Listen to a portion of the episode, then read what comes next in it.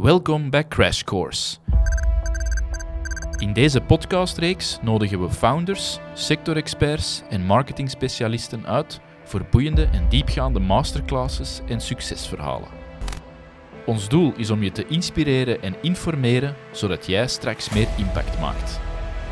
Tips voor vandaag, trends voor morgen en concrete insights die een voorsprong bezorgen. Ready for liftoff. Dit was ooit een Alignment Factory aflevering, maar we delen hem hier nog een keertje omdat het zo'n goed gesprek was. Enjoy. Hallo allemaal, welkom opnieuw bij een aflevering van Alignment Factory. We hebben de afgelopen aflevering heel, heel, heel verschillende gasten aan de tafel gehad. Uh, we hebben experten gehad, we hebben professoren gehad, we hebben heel technische mensen gehad.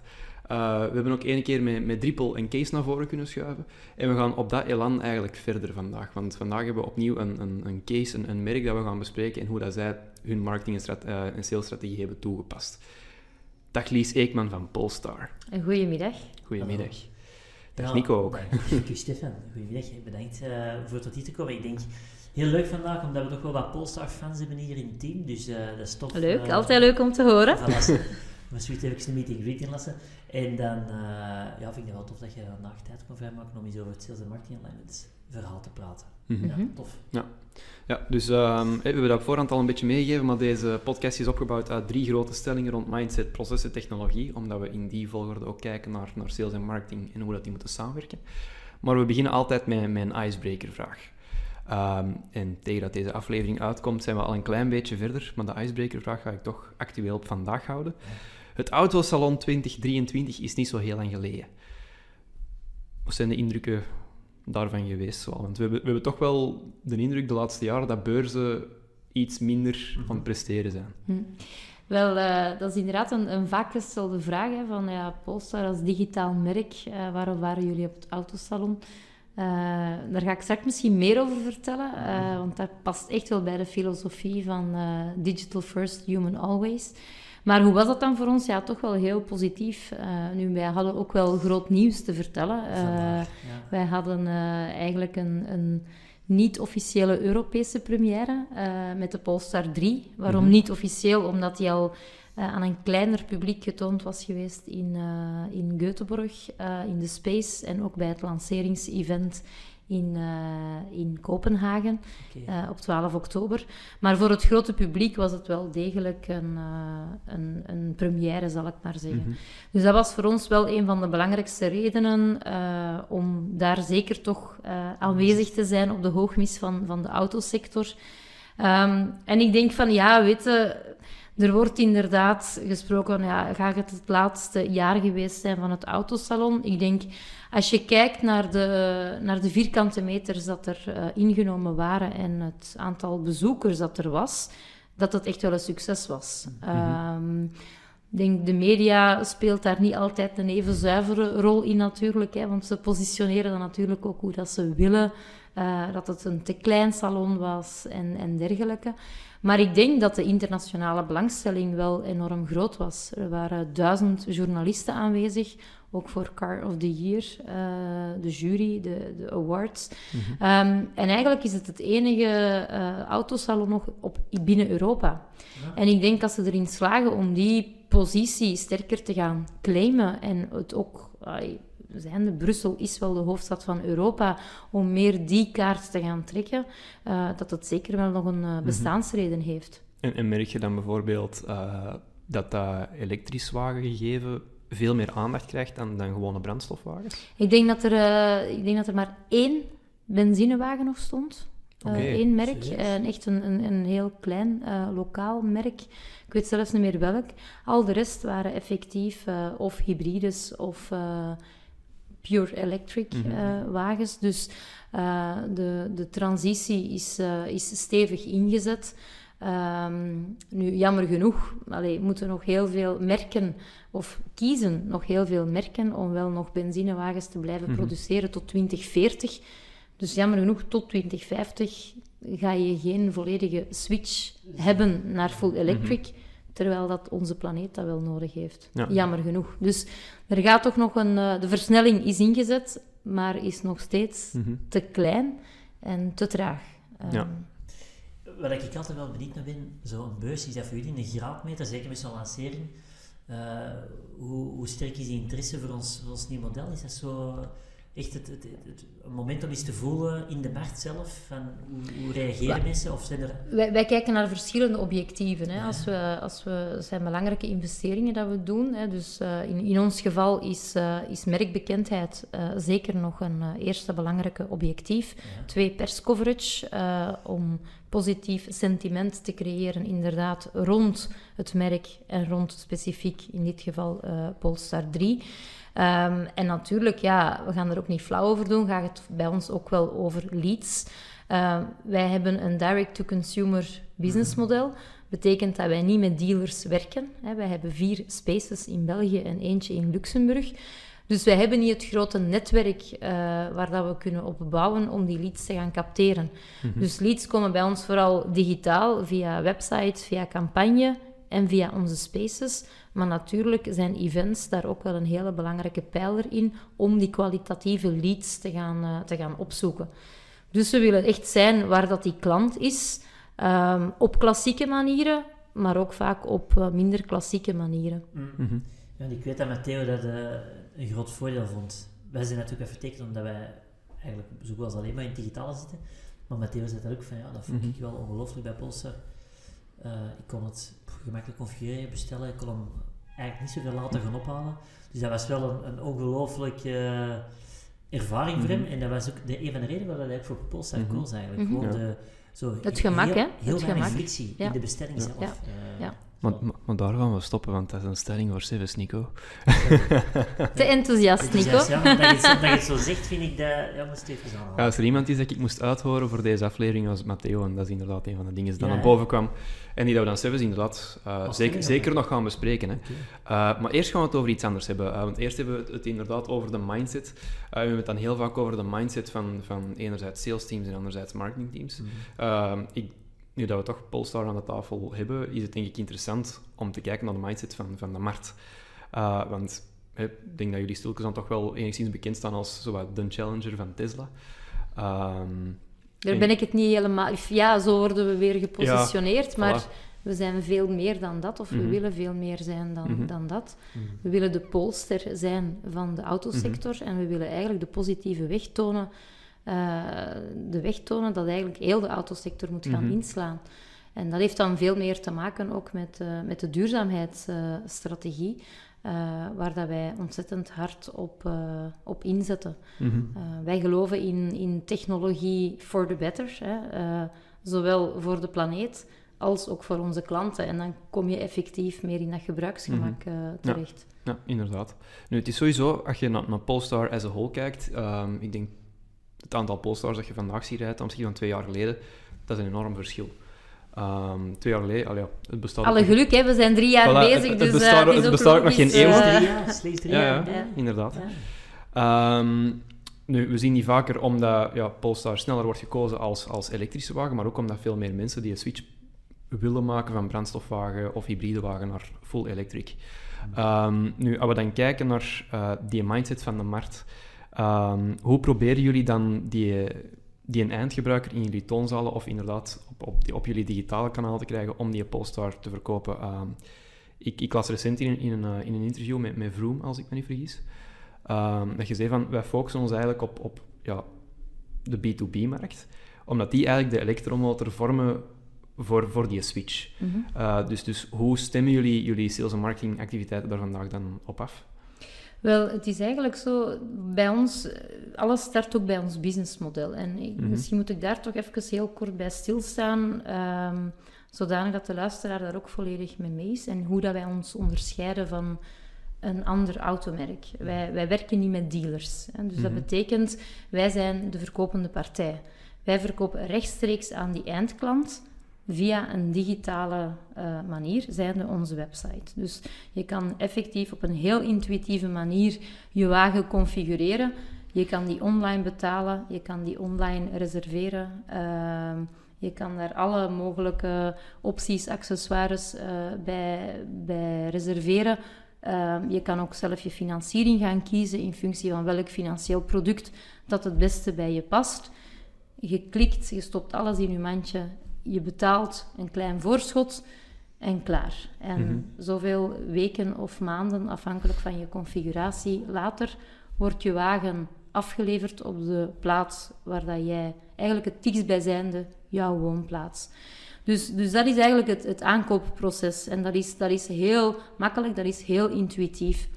Nu, we was, merken... dat, was dat altijd zo? Was dat eigenlijk altijd zo? Ik, dat weet Bij. Polestar? Ja? Ja, we zijn Ja. digitaal begonnen. Ja. Ah, ja, We bestaan effectief nog maar drie jaar. Ja. Ehm, en, en we zijn effectief gelanceerd geweest als digitaal di- di- direct-to-consumer eh, Mhm. merk, ehm, zonder tussenpartijen. Ehm, dat betekent eigenlijk ook dat in onze spaces, wij hebben daar geen verkopers. Ja, waarom dan toch die fysieke, die fysieke punten, de spaces in het hartje van Antwerpen, Brussel, eh, Luik en Gent, is omdat we merken dat wel heel veel van het aankoopproces bevindt zich vandaag online. 95%, 90, 95% bevindt zich online.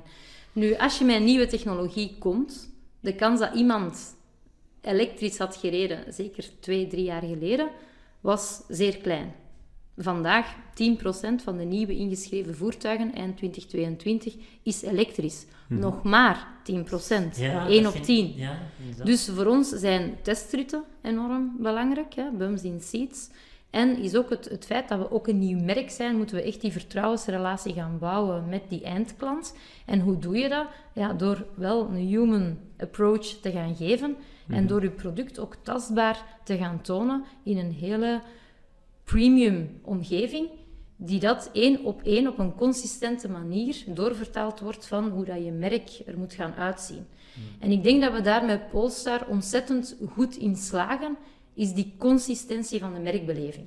Ja, we zijn, we zijn een, een Zweeds-Scandinavisch designmerk. En de, die puristische stijl trekken we één op één in al onze touchpoints op een heel gepassioneerde en gedetailleerde manier ook door. Is dat online? Is dat in een newsletter? Is dat in onze tv-commercial? Is dat in een space? Diezelfde experience ga je voelen doorheen de hele, doorheen de hele funnel. Dus dat is, dat is een heel belangrijk eh, onderdeel van, ons, eh, van onze aanpak. Tweede is dan effectief die spaces zelf. Als je met een nieuwe technologie zit, dan komt het er eigenlijk op aan om die klant of potentiële klant op een goede manier te gaan informeren, educeren en inspireren. En dat is eigenlijk de rol van onze spaces. Eh, dus je kan er geen wagen kopen, niet zoals in een klassieke garage eh, of dealer. Dus wij werken ook niet met verkopers. Dat betekent dat je een hele andere customer experience gaat gaan krijgen als je in een space bij ons binnenwandelt, dan wanneer dat je in gelijk welke showroom van gelijk welk ander merk eh, binnenloopt. Je hebt daar experten die dat volledig op de hoogte zijn van wat het is om met een elektrische wagen te leven in je dag- dagelijkse leven. Zij hoeven niks te verkopen. Dus zij gaan niet zeggen van, ah ja, meneer komt of mevrouw komt binnen voor een elektrische wagen, maar heel mijn parking staat vol hybrides, wat dat vandaag het geval is, hè, want de taxatie verandert eh, per 1 eh, juli. Dus alle automerken proberen nu zo snel mogelijk van hun hybrides af te geraken. Zij zijn niet bezig met die klant. Mhm. Hun stok, hun businessmodel staat de customer centricity in de weg. Ja. Want dat is dan heel vaak zo van, van, kijk, ik kan het naar deze prijs brengen, maar ik moet het wel nu weten. Dat is, dat is Ja, klassiek. Maar, maar dus, en, en dat merken we ook, want we hebben daar redelijk groot eh, klantenonderzoek ook, eh, ook rond gedaan, Mhm. naar het aankoopproces. En eigenlijk, wat merken we? Dat één op de twee Belgen gestresseerd is als ze een wagen moet gaan kopen. Terwijl dat, dat de tweede grootste aankoop is na je woning. Mhm. Dus dat is een hele belangrijke aankoop. Het is ook een hele emotionele aankoop. En eigenlijk moet dat gewoon superleuk zijn. Dat moet exciting zijn. Dat moet u niet stress geven. En het belangrijkste aspect waarom dat, dat stress geeft, zijn exact wat dat jij aanhaalt, zijn die prijsonderhandelingen. Mhm. Vandaag zijn het aantal dealerbezoeken op een historisch laag niveau. Ik heb nu meer de recente data, maar de laatste data was van drie jaar geleden dat ik een onderzoek had gelezen. Was 2,3 gemiddeld bezoeken ja. per showroom voor een aankoop van een wagen. Het straffe was voor tien jaar geleden was dat nog zeven of acht. Ja. Maar het grappige, enfin, grappige, misschien cynisch bedoeld, is dat eigenlijk die 2,3 bezoeken van hetzelfde merk is. Dus wat gebeurt er? Heel vaak. Ik maak mijn aankoopproces. Ik weet uiteindelijk Perfect. welke wagen, welk model, welke configuratie, welke technologie ik wil. Je bent blij, want daar gaan wel best wat dagen Ja. en weken over vooraleer dat je dan tot je beslissing komt. Je loopt dan met je gezin op zaterdagnamiddag een showroom binnen en je zegt van, voilà, na, na lang beraad hebben wij uiteindelijk onze keuze gemaakt op X. En dan gaat hij verkopen, ja, maar nee, nee, nee, je moet dan niet kiezen. Tuurlijk niet, want die ene is bezig met de bonus dat hem krijgt, de variabele remuneratie dat hem krijgt van zijn baas, als hem voertuig Y kan verkopen in plaats van voertuig X. Dus nogmaals, heel die klantenbeleving gaat compleet de mist in. En de klant voelt dat vandaag. Vandaag zijn consumenten marketing literate. En dus ze zijn ook heel sceptisch, want ze gaan dan ook nog een keer naar een andere garage en dan krijgen ze misschien, als ze heel goed negociëren, nog een keer de vloermatjes gratis. Maar dat is geen premium experience. En dan gaat het ook niet over intrinsieke interesse in wat dat die klant wil. Ja, ja, dat is zo. En het feit dat wij met geen verkopers werken, Ja. zorgt er eigenlijk voor dat één, je hebt de no-hassle experience op de website. Je kan altijd een reach-out doen naar ons, want wij hebben een customer care center in-house zitten. Geen outgesourced center, weet ik veel Ja. waar. Ehm, maar echte local mensen die in de lokale taal spreken, ehm, dat je verder kunnen helpen. Je kan via chat, je kan via e-mail, je kan, als je al klant bent, via de Polestar app met ons communiceren, of je kan gewoon binnenlopen in een space. Dus bij ons is het, dat is echt ons credo, wherever, whenever, however. Wij kunnen echt wel zeggen dat dankzij ons businessmodel, dat we echt wel die customer centricity heel, eh, heel au serieus Mhm. nemen. En als we dan, dan even terugkijken naar, naar die mindset, hè, van Nico, jij, jij rijdt elektrisch op deze moment bijvoorbeeld. Ja. Ehm, wat dat ik vaak hoor terugkomen als tegenargumenten dan, dat is enerzijds, ja, het is nog duur hè, voor, voor, voor het bereik dat je eigenlijk hebt, enerzijds. En anderzijds de laadinfrastructuur. Dat is, rec- dat is recent ook nog in het nieuws geweest van, hè, we zijn niet op pad om, om bepaalde doelstellingen te halen. Eh, hoe, hoe, allee, misschien eerst, hoe zie jij dat als iemand dat met een elektrische wagen rijdt? Eh, ik lig daar minder van wakker en ik kan zelfs meer zeggen, ik heb nooit in mijn auto gereden, of nooit met die auto gereden zelfs, voordat ik hem besteld had. Ik heb volledig online research gedaan. Eh, en, dat vind ik wel interessant, hè, wat en, dat is ook zo. En dat merken wij trouwens ook, wij werken vooral voor B2B-klanten, eh, voor B2B-bedrijven, en daar merken wij bijvoorbeeld, in, die particuliere markt is volgens mij nog harder versneld, dat na COVID, dat de rol van marketing en sales teams substantieel is veranderd. Want ehm, we zaten ineens allemaal thuis en we konden niet meer naar showrooms gaan, we konden niet meer eh, ehm, fysiek ergens naartoe gaan. Dus we moesten, we werden eigenlijk een beetje wel gedwongen om, als we iets moesten hebben, om dat online te, Mhm. onderzoeken. Dus wij zien ook Het heeft een spoedcursus in, die, in digital eh, geweest, hè, voor heel veel mensen. En, ja. en ik heb zo het gevoel, we doen heel veel klanten onderzoeken ook, dus klanten van onze klanten eigenlijk, om te bevragen van hoe kopen zij aan, waar, welke ehm, Mhm. informatiebronnen raadplegen enzovoort. En dan merkte je gewoon afgelopen twee jaar dat er een switch ingekomen is en dat, dat heel wat mensen zeggen van eigenlijk weet ik al wat ik twee jaar geleden al 80% of 70% wist wat ik moest hebben, weet ik vandaag, hè, 2022, weet ik eigenlijk al nou, 90% wat ik exact wil hebben. Mhm. En eh, ik, kom, ik ga nu enkel nog maar fysiek om de bevestiging te hebben, of, of net om die, eh, Mhm. om die betaling af te ronden. Maar eigenlijk weet ik al op voorhand alles. En, Mhm. en dat is wat je zegt, dat proberen wij eigenlijk toe te passen. In de zin van die showrooms, die zijn niet meer nodig als informatiebron, want mensen doen dat via veel andere kanalen van vandaag. Mhm. En daar denk ik wel, ik denk dat dat inderdaad overal eh, doorcijpelen is, maar ik denk dat dat traditionele merken wel een groot probleem gaan hebben, want die businessmodel is helemaal anders georganiseerd. Maar ik denk dat dat nu Eh, natuurlijk ongoing is. Hè. En ik, kan, allee, ik heb ook heel niet- veel begrip voor, eh, voor de lokale dealer, want zij hebben vaak miljoenen geïnvesteerd in Zeker de glazen paleizen. En, en als dan het remuneratiemodel erachter gaat veranderen, ja, natuurlijk brengt dat grote discussies met, zich, uh, met zich mee. Mm -hmm. Ja, alle begrip daarvoor. Dat we dan kijken naar, naar die, die dingen dat juist aangehaald werden, van die laadpalen en, en, en uh, ja, het budget toch, toch enigszins. Um... Goh, dat, want ik, ik ga even daarop inpikken als mm -hmm. ik mag. Um, want ik denk vaak worden er ook heel snel dingen gezegd, maar niet altijd op mm -hmm. feiten gebaseerd. Hè. Ik ben nogal een datagedreven uh, mm -hmm. persoon. Is meten is weten. Um, uiteindelijk, als je kijkt, de technologie vandaag die is klaar. Hè. Een Polestar 2, als je kijkt, we hebben net de, de nieuwe uh, upgrade uh, uitgebracht. We spreken niet over een facelift, maar we spreken over een upgrade. We zijn een performance merk, dus dat betekent dat wij iedere keer ernaar streven om beter te worden om mm -hmm. uiteindelijk naar een volledig klimaatneutrale wagen te gaan tegen 2030 uh, al.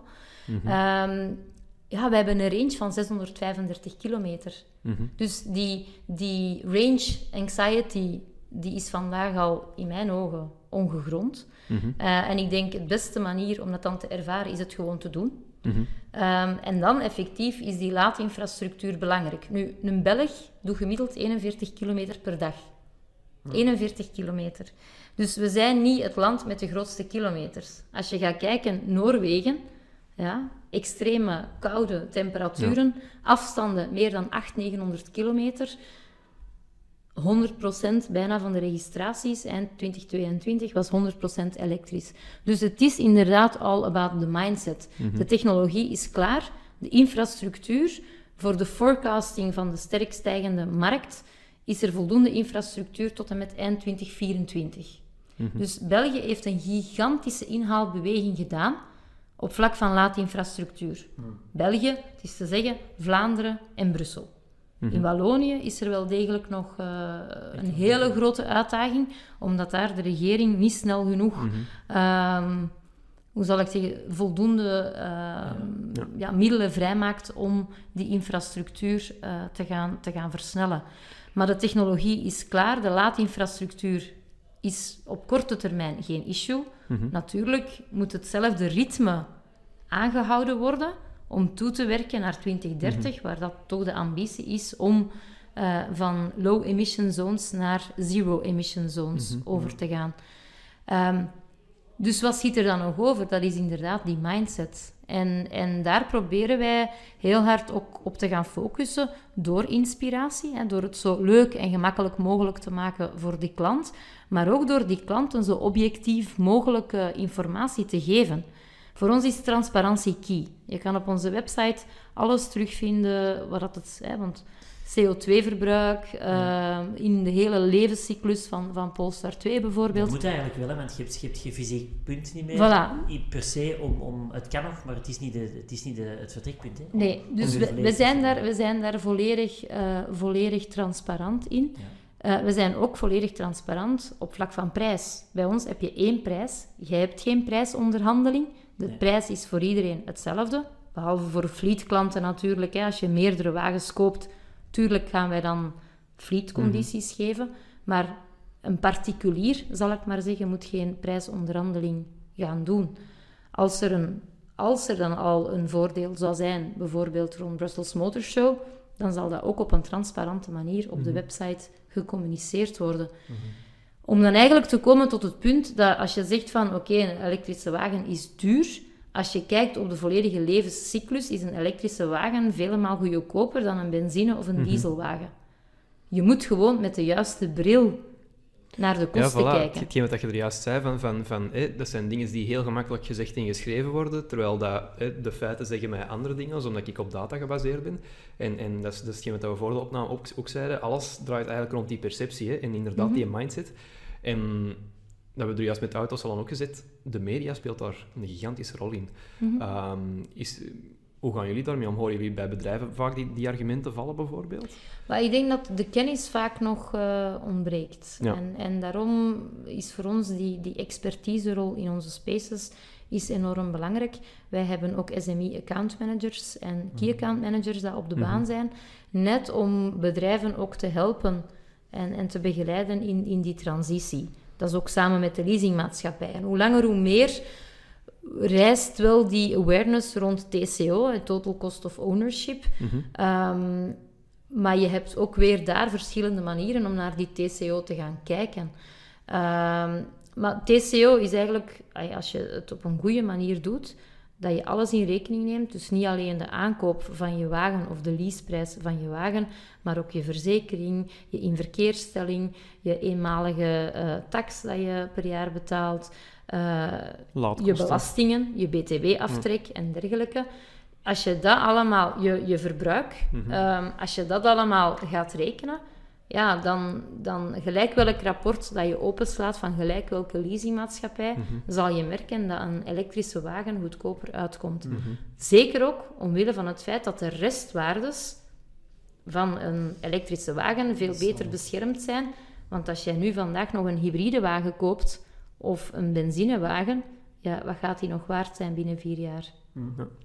Ik vind dat uh, een heel interessante discussie. Ja. Maar ik denk dat we door moeten gaan naar de volgende stelling, als we de timing willen, willen respecteren. Uh, maar misschien om samen te vatten, de mindset van de markt begint te komen. Het mag sneller. Media speelt er een redelijk grote rol in. Uh, en, en, ja, ik denk dat dan inderdaad aanmerken als... En bedrijven, hè? Voilà, en ik denk dat dan aanmerken als Polestar is om daar verandering in te brengen door, door de juiste informatie en, en zeker transparantie aan te bieden. Ja, klopt. En dat is wat we elke dag uh, voilà. aan werken. En zo hoort het.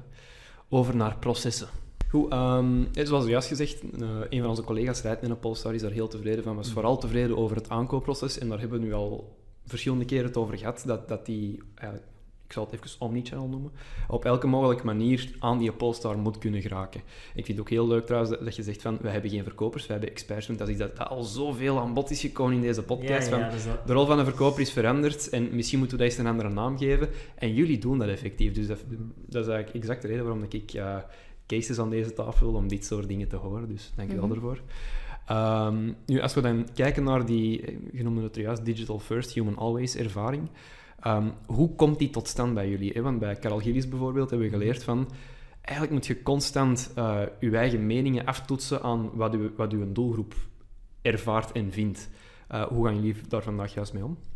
Wel, ik heb het al aangehaald, hè. we zijn een performance-merk en, en, meten is weten. Dus wij meten alles. Uh, daar komt het eigenlijk op neer. Um, en we zetten ook onze objectieven juist en de variabele verloning van die experten dan ook gekoppeld eigenlijk aan wat onze objectieven zijn. Dus in een klassieke automotive wereld, zal ik het noemen, hè, heb je verkopers en die hebben een variabele verloning op het aantal wagens dat ze verkopen. Mhm. Bij ons hebben ze ook een, een variabele verloning, maar niet op het aantal wagens dat ze verkopen. Ze verkopen niet, maar wel op de customer experience. Dus NPS is eigenlijk voor ons onze belangrijkste en enige, uh, of quasi enige KPI. De andere KPI is bijvoorbeeld data quality. Hè, dus om ervoor te zorgen dat de leads die daar binnenkomen, dat die ook kwalitatief zijn, die data, dat we die op een goede manier kunnen opvolgen in Salesforce. Um, om exact te meten en te weten waar dat die klant zich in de funnel begint. Mhm. Dat is ook het grote voordeel. Uh, ik ga even een zijsprongetje maken, maar waarom dat we een direct-to-consumer model zijn, is wij zijn eigenlijk, denk ik, het enige merk in de autosector, misschien Tesla, alhoewel dat ik niet weet of dat zij dat doen, uh, maar dat echt end-to-end alles kan gaan meten. Mhm. Wij weten van oké, een, een, klant heeft onze advertentie gezien, uh, heeft daardoor een, uh, een testrit uh, geboekt. je weet zelfs wat de kost is om die advertentie te posten. Oké, die is dan naar de space geweest. die heeft een testrit gemaakt. Um, dan heeft hij op de website, op de car configurator, heeft hij door ons aankoopproces gelopen. uiteindelijk heeft hij dan zijn wagen online betaald en online besteld. En x aantal weken later komt die wagen toe mhm. en gaat die wagen ophalen. Ehm, al die signature moments noemen mhm. wij die. Daar doen wij een NPS-onderzoek op. Dus wij, wij vragen telkens aan de, aan, aan de consument, aan de klant, mhm. per stap, op elk signature moment. Is het van de, de purchase journey, is het van de space visit, is het van de testrit, is het van het handover moment, is het van de owner ship journey. Wij gaan gewoon telkens terug feedback vragen aan onze mhm. klant. En wij volgen die ook op. Hè, dus het is niet... En vaak zijn klanten echt dan verrast van... Dat, is een, dat, dat gebeurt, hè. we zijn geen perfect merk, uh, voor alle duidelijkheid.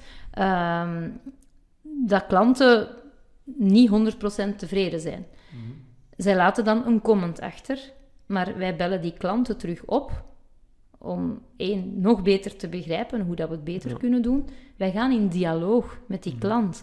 en hoe vaak dat klanten dan verrast zijn van... Hoe, je hebt mijn comment gelezen. Amai, en jij belt mij gewoon daarvoor?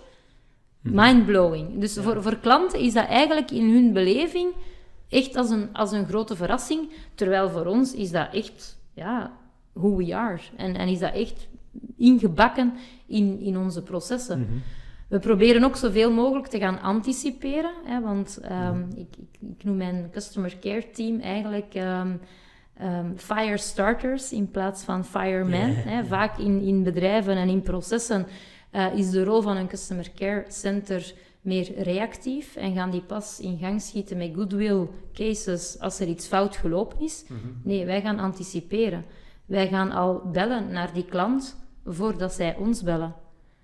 Maar wij analyseren ook al die feedback, al die data, om continu onze processen te optimaliseren en te verbeteren. Mhm. Dus dat is hard werken, maar dat is mhm. superleuk. En dat is echt die, die data gaan omzetten in insights en dan gaan omzetten in actionable uh, actiepunten om continu onze processen te mhm. gaan fine-tunen en optimaliseren. Ja, we, hebben zo ene klant, uh, een garage niet super ver hier vandaan, maar die werken bijvoorbeeld met heel veel van, van die portaalwebsites. Hè. Um, uh, tweedehands bijvoorbeeld, of uh, Autoscout. Mm -hmm. Die websites. En het probleem daar is, ja, die leads die worden wel doorgestuurd en zo, maar van, van alles wat daarvoor gebeurt, weet je natuurlijk niks. En dat is een gigantisch voordeel in jullie geval. In, in, in vastgoed zien we dat ook heel vaak. Uh, IMO-web van die websites, die geven niks mee buiten wat de consument achterlaat. Mm -hmm. Ja, dan zijn heel gefragmenteerd bezig, maar ik vind het wel interessant. Dat is het eigenlijk waar dat om draait. Hè. Hoe, hoe ervaart je klanten een aankoop en, en waar kunnen we een, de schakel wat beter maken? Maar niet en alleen een aankoop, hè, want dat is dan het unieke natuurlijk aan, aan, aan de autosector. Uh, als je een auto koopt, afhankelijk of dat je een professionele klant bent, vier jaar tot een privéklant, acht jaar, tien jaar whatever. En dan proberen ze nog de wagen te verkopen in tweedehands of via ons of via inderdaad andere, andere kanalen. Mhm. Dus je hebt wel als merk ook een, een grote verantwoordelijkheid om, en we zijn, hè, we houden van, van duurzaamheid. Uh, maar duurzaamheid betekent ook niet alleen op sustainability vlak, uh, klimaatneutraliteit, maar vooral ook duurzaam in onze klantenrelaties. En dat kan je alleen doen als je één, transparant communiceert, twee, als je continu ook in dialoog gaat mhm. met je klanten. En, en ja, dat proberen wij op een manier te doen dat ook aangepast is aan die klant. We hebben ons Customer Care Center, dat is 6 op 7 open. Um, onze average response time is 14 seconden, vooraleer dat we de telefoon opnemen. Voor een chat is dat 7 seconden. Um, dus dat zijn allemaal KPI's waar dat wij continu op, op, op, ja, mhm. op sturen, zal ik zeggen. Ja. Om onze performances te gaan meten en om elke dag beter te worden. En het voordeel is bij jullie misschien, uh, de luxe die je dan misschien hebt, is, is, het, is, het is een merk dat van, van de grond, uh, van, van de basis is opgebouwd. Mm -hmm. uh, ik denk dat dat een luxe is die Absoluut, ja. bestaande automerken ja. niet hebben. Hè? Dus je kunt eigenlijk echt kijken hoe hoe willen mensen vandaag aankopen? En we gaan daar een nieuwe organisatie opbouwen die dat helemaal uh, snapt en begrijpt. Uh, dat is ook voordat je bij Polestar zat, en misschien een kleine zijsprong, je hebt ook in andere grote organisaties gewerkt, mhm. waar dat die twee silos er nog altijd zijn, marketing en sales, mm die dan eigenlijk ieders een deel van die uh, ja, customer journey in handen hebben ik kan me inbeelden, vanuit uw ervaring daar, dat je, wat je bij Polestar aan het doen bent, dat je dat bij die type organisaties veel minder gemakkelijk ziet, ziet werken. Hè? Omdat je... Goh, dit, ja, ik, hoor wat je zegt en, en dat is absoluut waar, maar ik denk, eh, daar hangt het vooral af van de mensen. Ja. Ik heb eigenlijk altijd op dezelfde manieren uh, samengewerkt. Uh, ik ben een bruggenbouwer. Uh, om, om teams rond een tafel te brengen en een duidelijke visie neer te schrijven en dan uh, ja, cut the elephant into hamburgers. Hè. Ja. Eh, heb ik ooit geleerd van Christophe Florieux bijvoorbeeld. Ja. Ehm, dat, je, je moet effectief een duidelijke visie hebben, maar je moet dat ook onderverdelen in kleinere, actionable stapjes, zodanig dat het behapbaar is. Maar wel samen. En, en ik denk van, dat is wat we met Polestar dan ontzettend goed doen. Wij verkopen geen auto's. Hè. Mhm. Wij willen de, de maatschappij waarin dat we leven beter maken. Mhm. Dus wij zijn heel purpose gedreven. En dat is waarvoor dat mensen uit bed willen komen, s morgens. Dus een hele duidelijke missie hebben, een duidelijke visie hebben, zodanig dat je weet waar dat je op lange termijn naartoe wil. En dan mensen de tools geven van oké, en hoe gaan we dat nu concreet gaan doen? En wel trouw blijven aan, aan je principes. En als je die een joint target hebt, of die joint ambition, ja, dan vertrek je gewoon al van een ongelooflijk een andere drive en, en insteek. Omdat je dan echt heel... We spreken altijd over het one team, hè, ook met onze spaces. One team gevoel. En dat is niet alleen een gevoel. We, hebben, we werken ook samen, dag in, dag uit, om dat gemeenschappelijke doel te gaan, te gaan bereiken. En, en dat is dan weer die mindset en, en die attitude en leadership. En op Ja. een positieve manier ook eh, die teams leren om, om samen te werken. Is het iets, misschien als ik daar, als ik daar een deel van ga uithalen, is, is het iets waar dat je van zegt van, ehm, dat dat bij veel bedrijven die in heel uit de silos denken, los van de persoonlijkheden, maar dat dat, dat, dat ook een heel belangrijke of ehm, een groot probleempunt is, dat die, die centrale visie of centrale eh, missie en, en, en, purpose niet goed gedefinieerd is over de teams heen en dat dat daarom soms die, dat silo-denken blijft... eh, Ja, ik denk, is allee, precies. wanneer, wanneer kan je over de silo's heen gaan werken? Ja. Wanneer dat mensen één weten wat dat de visie is. Ja. Ehm, en wanneer dat ze ook en- engaged zijn Mhm. en zich willen smijten om aan die visie te werken. En, en dan gaan ze beginnen echt samenwerken. Ja, en die doorvertaling misschien ook voelen van... Ja. Soms wordt de missie gedefinieerd, maar... Maar is het niet tastbaar genoeg in doorvertaling? Van oké, ja. of het resoneert niet, of allee, het, weet je, Klopt, ja. het moet. Allee, ik ben, ik ben een, een, een marketeer van, van Ja. basis. Hè. Eh, en het gaat altijd over de, de mind en de heart Mhm. en de wallet. Ja. die, die drie zaken. Maar als je alleen maar op een rationele manier iets op tafel gooit of op een PowerPoint gooit, maar dat raakt niet het hart van de mensen, die gaan niet harder beginnen lopen. Hè. Nee. En, en hoe langer hoe meer begin je dat ook te zien. Hè? Die quiet quitters en, en, en dergelijke. Dat zijn gewoon mensen dat zich niet kunnen scharen achter de visie dat het bedrijf stelt. En dan is er maar één iemand dat verantwoordelijk is. Dat is het leadership. Dat is het management. Zij moeten ook hun mensen inspireren. Ze moeten een cultuur cultiveren waar dat samenwerking centraal staat. En ik denk van nature hebben mensen dat, dat wel heel hard in zich. Mensen zijn kuddedieren, mensen willen samenwerken. Maar vaak zijn de bedrijfsprocessen één en twee, wat ik ook net zei, die objectieven, gaat over persoonlijke objectieven. Ja. Gaat niet over shared objectieven. Dus het is meer dan ieder voor zich. Dus, en, en daarom gaf ik ook dat voorbeeld aan van, van die NPS en de juiste objectieven stellen in lijn met wat je wilt gaan bereiken. Je hebt heel veel bedrijven dat dan een, een, een visie zetten, maar als je dan naar die objectieven en naar hun remuneratiestrategie gaat kijken, probeer dan maar eens de dots te gaan connecteren en er is geen samenhang. Dus je moet wel zorgen dat je beleid en je aanpak op een hele consistente manier doorvertaald wordt. Ehm, dan de cultuur daar rond. Hè, dat je zegt van oké, dit is waar dat we als bedrijf voor staan. Bij Polestar is die cultuur zeer duidelijk, maar dat is waarschijnlijk een andere podcast dan. Ehm, en als je dat kader creëert en dat kader is duidelijk, dan denk ik dat je op een hele natuurlijke manier die samenwerking gaat, gaat stimuleren. Een keer als mensen naar een job description beginnen kijken en discussies beginnen hebben van ja, maar dat is niet mijn taak of dat is niet mijn taak, ja, dan moeten u echt ook als management meer vragen gaan stellen van oké, waarom reageren ze nu zo? Ja, effectief. Ehm. effectief. En ik denk dat dat, dat wordt naar mijn aanvoelen ook nog te veel onder, onderschat. Hoe belangrijk dat die missievisie en dat doorvertalen van is voor het team om dan ook de juiste processen in place te hebben Mhm. en de juiste KPI's te gaan definiëren om effectief... Maar ook de, de juiste persoon op de juiste iedereen- plaats. Want, want Ja, je zegt er juist, ik ben een bruggenbouwer. Dat is zo belangrijk. Hè? Want, want ik denk, dat is niet eender wie, dat je, op, wie dat je op je plaats zet. Want, want er zijn heel veel mensen die automatisch gaan denken van dat is marketing, dat is sales. En ik- alles wat dat je nu hebt verteld, dat voldoet eigenlijk perfect aan, aan het verhaal dat wij via deze podcast willen bezorgen aan de luisteraars. Mhm. Eh dit is echt een schoolvoorbeeld van, van hoe dat wij het eh, in, in een utopie zien, denk ik. Ja.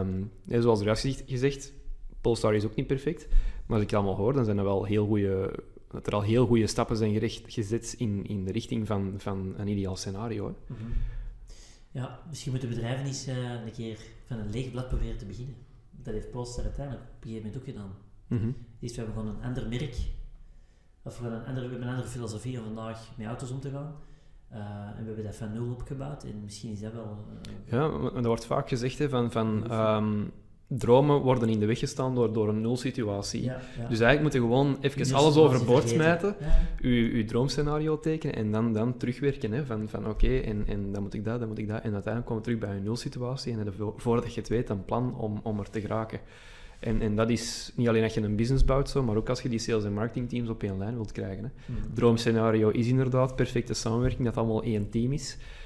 Maar vaak is het anders en, en dan moet je gewoon zien, incrementele stapjes. ja, en, en dat is gewoon ook hard werken. Allee, eh, het, het, het gebeurt niet vanzelf.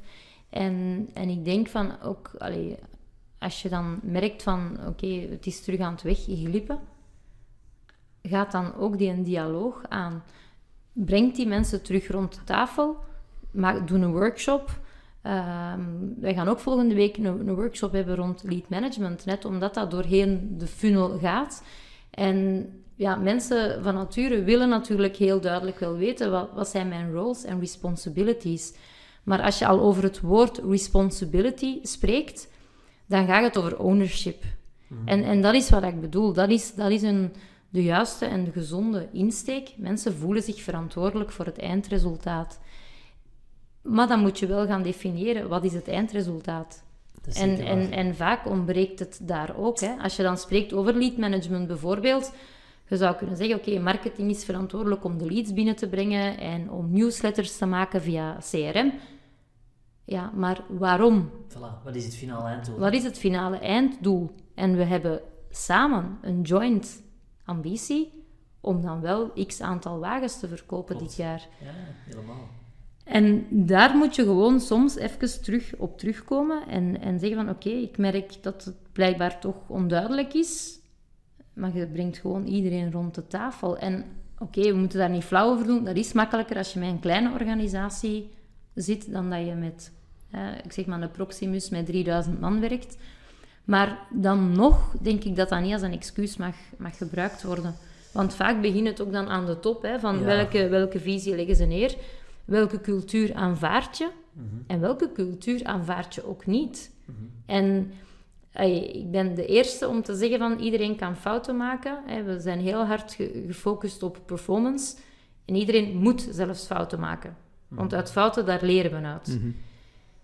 Maar wat dat we niet gaan aanvaarden, is als mensen ingaan tegen onze cultuur. En daar, daar treden we wel dan hard op. In de zin van, niet dat we direct mensen gaan ontslaan of zo, maar dat wordt wel besproken. Mhm. Van, we hebben dat gedrag gezien. Dan gaat het zelfs niet over resultaat, hè, maar dan gaat het over, we hebben dat gedrag gezien. Je weet, binnen Polestar staan we voor collaboration, staan we voor passie, staan we voor future thinking, staan we voor transparantie. Dan is het wel belangrijk dat mensen zich, één, weten dat dat onze behaviors zijn. En dat daar ook respect voor is, voor die behaviors. Ja, Mhm. inderdaad. We spreken zelfs niet over company values, we spreken over company behaviors, omdat je bent wat je doet, niet wat dat je zegt, Mhm. Mhm. maar wat dat je elke dag doet. Ja, en dat heeft ook een gigantische impact op de eh, over de uitstraling van je merk. Ja. Als, als, als, dat niet, als dat niet doorvertaald is tot het Ja. uiterste, tot, tot de mensen waar je dan eh, in die end of in midden ergens contact hebt, Ja, dan, dan resoneert dat niet. Ja. En op de vloer, hè, in, in, in het winkelpunt uiteindelijk. hè. Helemaal. helemaal. Ja. Oké. Ik denk dat we het er ondertussen wel allemaal over eens zijn dat jullie op een, eh, op een zeer goede manier bezig zijn. Ehm, nu, ik wil even terugkoppelen naar, naar dat, dat toekomstdenken. En dan ga ik meteen over naar de derde stelling over technologie. Ehm, normaal gezien is, is deze eigenlijk het punt waar dat we over CRM-systemen beginnen. Ik heb, ik heb Salesforce gehoord. Ehm, ik kan dat even opzij schuiven, want we zitten hier toch over een, een hoogtechnologisch product te praten. Mhm. Ehm, hoe zie jij enerzijds de toekomst van, van elektriciteit als technologisch product, maar hoe zie, zie jij ook Polestar daarin evolueren? Want dat is dan het droomscenario waar dat we het er juist over hadden. Hoe, hoe zie jij dat over pakweg tien jaar? Mhm. Wel, bij ons is dat super duidelijk. Mhm. wij staan voor Pure Progressive Performance. Die Pure is enerzijds het Zweedse minimalistische designmerk dat we zijn. Anderzijds is dat ons streven naar zero emission. En zero emission, als onze wagens rondrijden, stoten ze al geen emissie meer uit. Maar we willen natuurlijk naar die volledige klimaatneutraliteit gaan evolueren tegen 2030. Dat is een dermate grote uitdaging dat wij er vast van overtuigd zijn dat we dat niet alleen kunnen.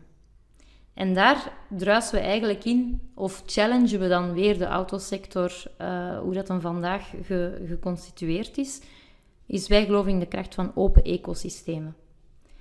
En dat is dat, dat, ook dat progressieve kantje dat we hebben. Progressief op ons businessmodel. Progressief omdat we geloven in de kracht van samenwerken. En we hebben het daarnet over die collaboration gehad, intern. Maar we trekken die eigenlijk ook veel verder door naar extern. We hebben het Polestar Zero Project. Dat is dus eigenlijk hè, onze grote moonshot goal om tegen 2030 die klimaatneutrale wagen te gaan bouwen. Wij hebben al verschillende oproepen gedaan voor collabs. Ehm, universiteiten, eh, ingenieurs, eh, start-ups, scale-ups, ehm, you, you name it, om samen te werken om effectief die volledig circulaire wagen te gaan Ja. Dat is een volledig andere mindset. Is toegeven van, mannen, die uitdaging is dermate groot en de tijd is zo beperkt. Ja, inderdaad. Ja.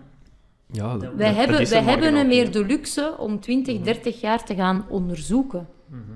De oplossing moet er eigenlijk liggen tegen 2035. Als we nu kijken naar alle forecasts en alle prognoses, ja, aan het huidige ritme dat de autosector bezig is, gaan we tegen 2035 75% de Earth Planet Target overshooten van, het, van, het, van, het, eh, van de Green Deal van Parijs.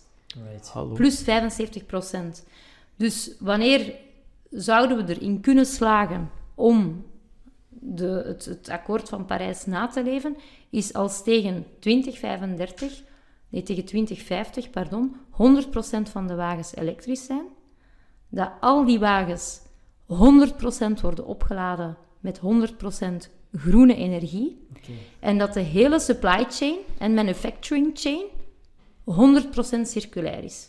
Dat is de uitdaging. Dat is wat dat er at stake is. Van een droomscenario gesproken. Ja. Maar, maar dus, en, en dat Ja. Mhm. willen wij ook echt gaan doen. Dus wij hebben ook als een van de enige autofabrikanten dat charter ondertekend. Dat is waarom dat wij de life cycle analyse gedaan hebben. Je kan die vinden op onze website. Wij weten exact waar we vandaag staan qua CO2-ton uitstoot, Mhm. waar dat we naartoe willen. Zijn naar die nul. Hè? Nul heeft nog nooit zo'n groot symbolisch eh, impact eh, gehad. En technologie moet ons daarin gaan helpen. En dus, wij geloven vooral in die open ecosystemen Mhm. om het samen te gaan doen. We kunnen dat niet alleen. En we gaan nieuwe standaarden moeten gaan bepalen in de markt. En gaan bepalen van op, op, op welke zaken gaan we concurreren. Op design, op portfolio, op modellen, op prijs. Maar er zijn ook bepaalde aspecten waarin dat we niet gaan mogen concurreren, maar waar dat we net gaan moeten leren samenwerken. Om samen op zoek te gaan naar batterijen die dat kunnen geproduceerd worden met zero impact. Mhm. Dus heel dat, heel dat stuk technologie for the better, eerste grote prioriteit is effectief die duurzaamheid. By far. Veel belangrijker dan autonomous driving of, of wat dan ook.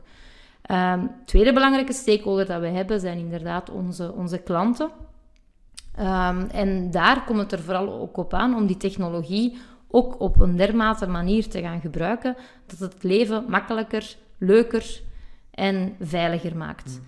En daar zijn dan ook weer heel veel voorbeelden, zowel op als je kijkt naar Polestar 3 bijvoorbeeld, hè, we, hebben, uh, we gaan werken met LiDAR. Hè, dus dat is eigenlijk een, uh, een sensor dat op het tak van de wagen gaat geplaatst worden, die dan niet met radiogolven werkt, maar met licht. Um, is een voorbereiding voor in de toekomst autonoom te kunnen gaan rijden. Maar die technologie staat vandaag nog niet op punt. Maar wat doet dat vandaag wel al? En ook de sensoren die vandaag in de wagens zitten, is bijvoorbeeld eye tracking. Ja, wij hebben vandaag al uh, in de Polestar 3 eye tracking dat constant eigenlijk de alertheid van de bestuurder gaat meten. De bestuurder signalen gaat geven als wij merken van de aandacht verslapt of hij is in slaap aan het vallen, hij of zij is in slaap aan het vallen, of erger nog, heeft een hartfalen gehad of wat dan ook. Op dat moment gaat de wagen kunnen ingrijpen en gaat de wagen op een veilige manier tot stilstand kunnen komen. Mhm. Dus het gaat veel meer over dan die veiligheid en technologie gaan gebruiken om die best mogelijke driver assistance te gaan geven. Mhm. En zo kan ik, zo kan ik verschillende voorbeelden geven. Uh, voor ervoor te zorgen dat er geen babytjes in de wagen achter, achter blijven of honden. Mhm. Elke millimeter seconde beweging gaat gemeten worden.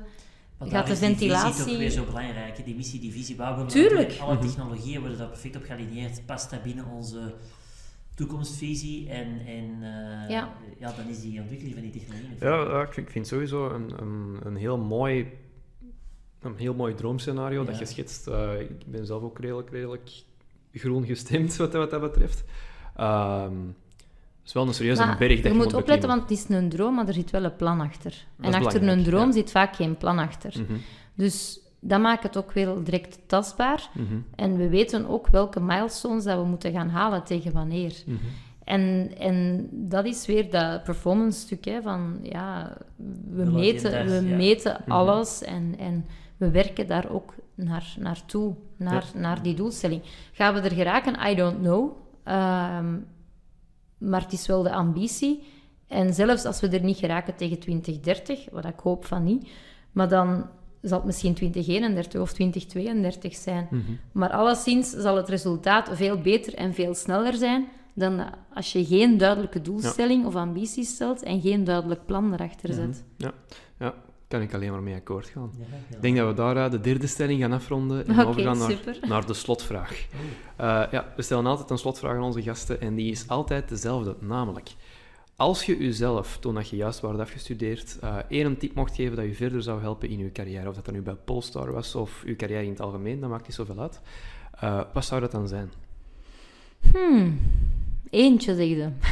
ik zou er wel je meerdere mocht, kunnen... Een, je eh, mocht ook een shortlist... Uh... Of degene waar je de grootste... Waar je zegt van, als ik dat had geweten destijds, maar dan, dan had ik zoveel stappen kunnen overslagen. Goh... Ja, als, ik, als marketeer dan toen zeker? Als marketeer, ja, ik ben, ben echt als marketeer uh, begonnen. Uh, ja, misschien, misschien geduld. Uh, ik denk, ik ben nogal een, uh, ja, een gedreven persoon, ook een gepassioneerd persoon. Uh, en bij mij moet het ook allemaal wel snel en vooruit gaan. Um, en natuurlijk moet ik ook aanvaarden dat niet iedereen hetzelfde energieniveau heeft dan mij. of niet dezelfde drive heeft. en dat is ook helemaal oké. Okay. maar soms kan ik dan wel ongeduldig worden. Ja. dat is één. Twee... Um, ik ben nogal iemand dat houdt van duidelijke objectieven, duidelijke communicatie. Ik probeer dat zelf ook altijd heel duidelijk uh, over te brengen wat ik verwacht en wat ze van mij mogen verwachten. Um, maar ook dat weer, eh, begrip naar het feit dat misschien niet iedereen uh, het altijd even duidelijk al ziet. Mm -hmm. En dan, dat, dat gemixt met dat geduld of ongeduld, Ehm, maakt wel dat ik, dat ik vroeger, om dan in, in, in kleuren te spreken, hè, nogal rood kon zijn. Uh, en, en ik denk van, naarmate dat ik ouder word en, en dat ik ook gegroeid ben in, in, mijn, in mijn carrière en in mijn job, eh, Die scherpe kantjes dus wel. dat de scherpe kantjes eraf zijn. Ja, Ja. ja, Oké, ja. absoluut. Belangrijk. Zelfkennis is het begin van alle wijsheid. Ja. hè. Dat is, dat is, eh, Goed. Ja, ja, en ik herken dat, om af te sluiten, sorry, maar ik herken dat ook wel bijvoorbeeld bij. Ik denk dat dat trouwens een uitdaging is voor jonge, nieuwe jonge generaties die opstaan. Zo, ehm, Alles moet erop gaan. ja, Ja. maar dat is ook ingegeven natuurlijk door alles wat je rond je ziet. Mhm. Je bestelt vandaag iets op bol, je hebt dat misschien Ja, vandaag. Instant Eh, gratification. En je dat, daarom, de social op al korte, daarom, eh, snelle dingen, dus die, dat geduld creëren en beseffen dat sommige dingen moeilijk zijn en tijd vragen. Tijdsvragen. En tijd vragen. en dat ook ja. jezelf gunnen, Mhm. daar zie ik wel een grote, Ja. Grote uitdaging. Ah, wel, daarom, in Lies, nu van school komen Ja. in een instant Dus gratification cultuur, denk ik dat geduld waarschijnlijk Ja. nog de beste keuze Ja. is. Ja. Het beste dat ik ooit heb gedaan om mijn geduld te verbeteren is kinderen krijgen. en on that note, Lies, bedankt om hier vandaag aanwezig te zijn. Ik vond het een heel mooie eh, uiteenzetting dat je hebt gedaan over Polestar en hoe dat jullie kijken naar sales marketing en de eindgebruiker en ook de, de toekomst.